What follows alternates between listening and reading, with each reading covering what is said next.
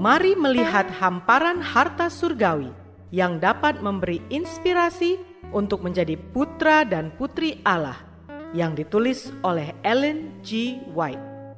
Melalui renungan pagi ini, kita akan mempelajari nasihat yang menguatkan dan memberi semangat untuk memperbaiki karakter kita. Bersama Mana Multimedia Ministry, selamat mendengarkan.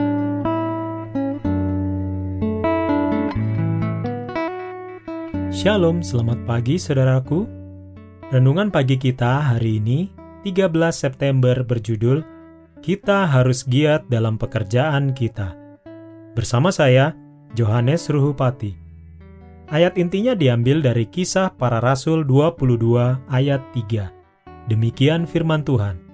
Aku adalah orang Yahudi, lahir di Tarsus di tanah Kilikia, tetapi dibesarkan di kota ini dididik dengan teliti di bawah pimpinan Gamaliel dalam hukum nenek moyang kita, sehingga aku menjadi seorang yang giat bekerja bagi Allah, sama seperti kamu semua pada waktu ini. Mari kita dengarkan penjelasannya. Sebagai satu umat, kita tidak kekurangan talenta.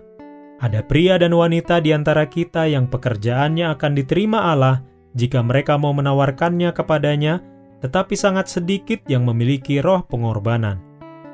Beberapa orang akan membagikan dengan mudah harta mereka dan merasa bahwa ketika mereka telah melakukan ini, tidak ada lagi yang diperlukan dari mereka. Mereka tidak membuat pengorbanan khusus dalam melakukan hal itu. Sejauh ini, uang memang baik, tetapi kecuali jika disertai dengan upaya pribadi, akan ada sedikit cara untuk mengubah jiwa menjadi kebenaran. Tuhan tidak hanya meminta uangmu, tetapi Dia memanggilmu. Meskipun engkau telah memberikan segala hartamu, engkau menahan diri secara egois. Seorang pekerja yang sungguh-sungguh di kebun anggur itu bernilai lebih dari satu juta uang tanpa ada orang yang melakukan pekerjaan itu. Penyerahan dirimu ini akan menjadi pengorbanan jika engkau memiliki perkiraan yang tepat terhadap pekerjaan itu dan menyadari tuntutannya. Banyak yang tidak cukup sadar kepada kewajiban mereka untuk melakukan pekerjaan yang mungkin mereka lakukan jika mereka mau, dan bahwa mereka tidak melakukannya karena mereka tidak memiliki semangat pengorbanan. Tuhan akan meminta pertanggungjawaban seperti itu bagi jiwa sesama manusia. Mereka mungkin telah melakukan pekerjaan yang baik dalam persatuan dengan Kristus, dan mereka akan dipanggil untuk memberikan pertanggungjawaban untuk kebaikan bagi jiwa-jiwa yang sebenarnya dapat mereka lakukan, tetapi tidak dilakukan. Saudaraku yang dikasihi di dalam Tuhan, malam segera tiba, di mana tak seorang pun bisa bekerja. Setan sungguh-sungguh bersemangat dan gigih dalam pekerjaannya. Jika pertama kali dia gagal mencapai tujuannya, dia mencoba lagi. Dia akan mencoba rencana lain dan bekerja dengan ketekunan besar membawa berbagai godaan untuk menjerat jiwa. Dia tidak pernah menjadi begitu berkecil hati untuk membiarkan jiwa sepenuhnya sendirian.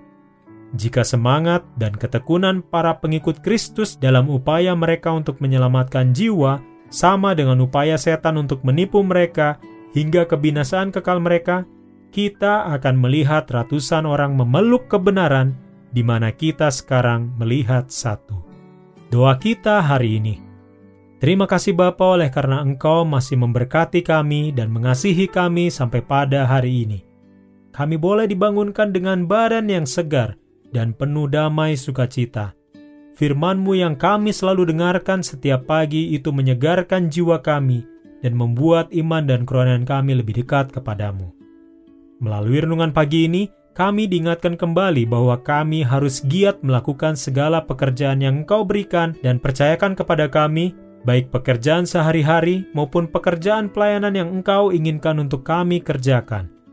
Biarlah Engkau memberikan kerajinan kepada kami, agar kami boleh melakukan segala sesuatu yang Engkau telah percayakan kepada kami, terutama pekerjaan pelayanan surgawi, dengan penuh sukacita. Tolong ajar kami hari demi hari, Bapak, agar kami boleh menggunakan segenap waktu dan kehidupan kami hanya untuk kepentingan surgawi, gantinya kepentingan diri kami sendiri.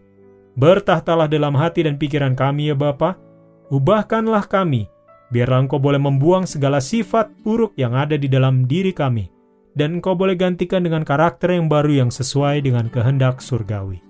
Terima kasih Bapa. Inilah yang menjadi seru dan doa kami. Sempurnakanlah doa kami ini Bapa, karena doa ini kami sampaikan hanya di dalam nama Yesus Kristus yang indah, yang telah menjadi juru selamat dan penebus kami. Haleluya. Amin.